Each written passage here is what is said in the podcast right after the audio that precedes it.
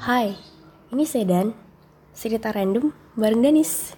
Halo, podcast ini direkord jam 12.42 siang.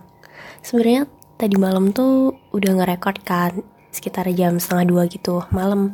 Tapi rumahku tuh tipenya yang modelnya ngedengung gitu loh. Jadi kalau mamanya ngomong agak sedikit keras, itu bakal kedengeran ke seluruh rumah. Jadi tadi malam setiap aku ngerekord udah dapet feel nih.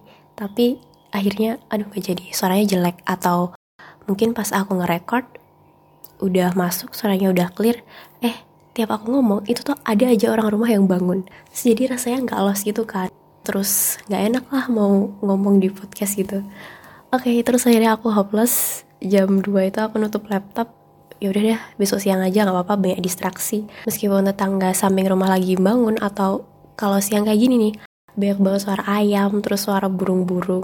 Dan aku belum belajar ngedit ngilangin noise gitu. Ya nantilah bertahap ya sambil jalan. Tadi malam tuh emosinya dapat banget because last night I'm a little bit emotional. But it's not like mad it's more you know something emotional like how I can say it. Mm, like feeling blue. I don't know.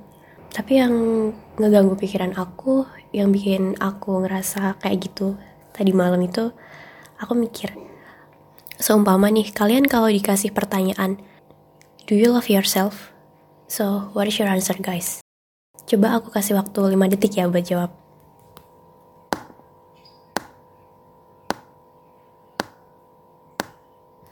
Oke, okay, just keep the answer on your mind. Hmm, aku kan emang sering kan kayak random talk sama diri aku sendiri. Dan doing self love dan menerima diri secara penuh utuh. Itu emang enggak segampang itu ya kan? Dan sebenarnya penyebabnya tuh apa sih? Dan kenapa? Kadang kita nggak bisa dealing with ourselves. Terus aku mikir kayak oh iya insecure ya? Ya bisa. Bisa insecure sama our appearance penampilan mungkin atau ngerasa kurang menarik atau ya pokoknya kurang oke okay gitu. Atau tentang kemampuan kita.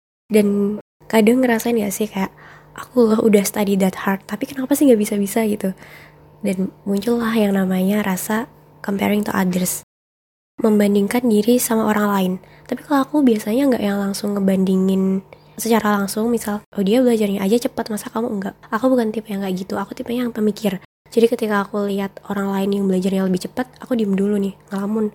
Terus aku mikir anjir gila nih kok dia bisa sih keren banget kayak gitu? Dengan waktu sesingkat itu dia bisa belajar cepet aku udah belajar dari tadi kenapa nggak bisa-bisa ya gitu terus mikir apa yang salah sama aku? gitu. Lebih lama kemikirnya dan kebanyakan mikir kan. And then it's an a bit overthinking terus ke bawah melebar sampai ke mana-mana. Dan hal lain mungkin ketika kita melihat keaktifan atau pencapaian orang lain ya pas buka Instagram. Tag buka tuh Instagram story aduh gila banget dia di umur segini udah jadi bos di suatu startup atau dia di umur segini udah punya perusahaan sendiri, udah punya bisnis sendiri. Dia di umur segini udah bisa jadi apa ya istilahnya mentor gitu di sebuah komunitas. Gila keren banget gitu kan. Kok orang-orang bisa ya kayak gini? Sebenarnya aku tuh mampu gak sih? Kadang suka gak terbersit pikiran kayak gitu. I know it's not good for my mind ya, tapi sempet-sempetnya mikir kayak gini nih otak liar banget emang. Aku kemarin lihat kan di live instagramnya Woman Bien sama Puan Bisa. Aku lupa nama speakernya siapa. Kakaknya ini dari Puan Bisa itu ngomongin tentang membandingkan diri sama orang lain. Sebenarnya kita udah sering sih menurut aku aku udah sering sih baca kata-kata ini di sosmed atau di mana mungkin kalian juga. Jadi kakaknya ini bilang timing tiap orang tuh beda-beda bro gitu. Starting point starting point dari masing-masing diri kita itu berbeda. Lihat loh kita aja lahirnya udah beda kan? Maksudnya tanggal lahir dari tiap kita tuh beda. Kita muncul di dunia ini aja udah beda. That's why. Kamu jangan ngebandingin diri kamu sama orang lain. Dan apalagi sampai kamu ngerasain yang namanya FOMO fear of missing out gitu. Kita nggak perlu merasa ketinggalan sama pencapaian yang udah dicapai sama orang lain. Ya itu nggak usah ngerasa FOMO. Karena kita nggak kehilangan apa-apa kan Terus kenapa? Ini cuma ada di pikiran kita yang rasa takut. Dan sebenarnya ketakutannya itu tuh nggak ada gitu. Fear of missing out. Apa sih yang ditakutin? Takut buat kehilangan apa? Ini tuh nggak ada. ya dari situ aku mikir lagi oh iya bener juga ya dikatain sama kakaknya ini ya terus aku mulai inget sama filosofi teras tiba-tiba inget sama stoicisme lagi aku bahas ini kemarin di episode 1 kehilangan di sini aku selipin tentang stoicisme. Gimana kita kontrol pikiran kita. Oh ya sorry intermezzo dulu nih. Karena aku tuh emang tertarik ya sama stoicisme ini. Jadi aku kemarin beli bukunya Marcus Aurelius yang meditation. Mungkin nanti kalau aku udah selesai baca satu bab atau mungkin satu buku, aku bakal bahas juga sih di podcast. Oke, okay, balik lagi ke gimana kita kontrol pikiran kita tadi. Buat akhir-akhir ini juga ketika aku ngerasain nih insecure terus mulai FOMO gitu. Dan nectingnya mulai jalan kan di pikiran. Aku langsung talk to myself. Nis, please stop sadar dan coba kontrol diri dan mikir nih ya sebelum aku ngomong sama diri aku sendiri sebelum kamu tambah mikir yang enggak enggak tambah negatif mending kamu sekarang langsung take connection aja apa yang bisa kamu lakuin gitu dan jangan biarin pikiran negatif itu kontrol diri kamu lebih lama lagi dan malah makin mikir yang enggak enggak kan gitu ini bukan apa ya istilahnya bukan kabur ya bukan melarikan diri dari pikiran ini tapi kayak menyadarkan diri and it's work sometimes terus bicara tentang self love tadi aku suka kan dengerin podcast juga dari podcastnya Kak Analisa Widianingrum yang ngomongin tentang self love ini di situ ada satu teknik di psikologi yang namanya adalah butterfly teknik. Ini kayak jenis teknik untuk penerimaan diri gitu ya. Jadi caranya adalah hug ourselves dengan tangan menyilang di pundak, terus tepuk sambil ngomong ke diri sendiri. Misalnya nih kayak it's okay loh kalau kamu pernah ngelakuin kesalahan atau apa. Ini kan nanti ke depannya bisa buat kamu belajar it's okay loh kalau kemarin kamu ngerasa down atau kamu ngerasa belum nunjukin yang terbaik gak apa-apa masih ada waktu yang lain kok gitu. atau bisa juga ngomongin afirmasi-afirmasi positif ke diri sendiri atau ngalirin energi positif ke diri sendiri mencoba buat maafin diri sendiri mencoba apresiat diri yang kamu lakuin kemarin tuh dia yang terbaik nanti kamu bisa kok mencoba lagi terus maafin diri sendiri then hug yourself tightly. Sometimes aku nerapin ini juga karena apa ya ini bisa bikin ngerasa lega gitu.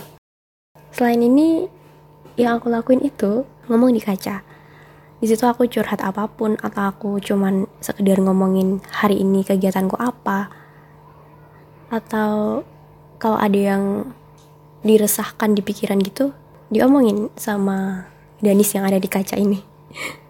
lucu kan tapi ternyata banyak loh yang lakuin ini juga sempet lihat di TikTok lewat FYP terus lihat di blog-blog gitu ternyata banyak juga yang nerapin kayak gini gitu karena menurutku kalau kita bisa jadi best friend to others then we can be a good listener too to others dan kadang kan kita juga ini kan over our shoulder to others to cry gitu It's mean we must to do it for ourselves too.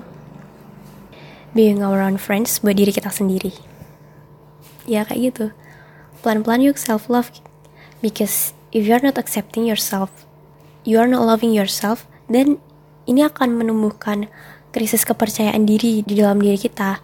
And for example, if you are in a relationship, it will hard for you to believe your partner that they really love you. You will doubt his or her feeling about you ini aku dengar lagi di podcastnya Kak Analisa misal kita dalam suatu hubungan kalau kita belum mencintai diri sendiri terus kita punya pasangan yang suka memuji nih eh kamu sekarang cantik banget deh gitu tapi karena kita belum accepting diri kita sendiri kita masih doubting dan belum mencintai diri kita denial sama kata-kata pasangan kita ah masa sih enggak lah aku loh jelek dan itu pasti bisa bakal berdampak kan sama sama hubungan buat ke depannya.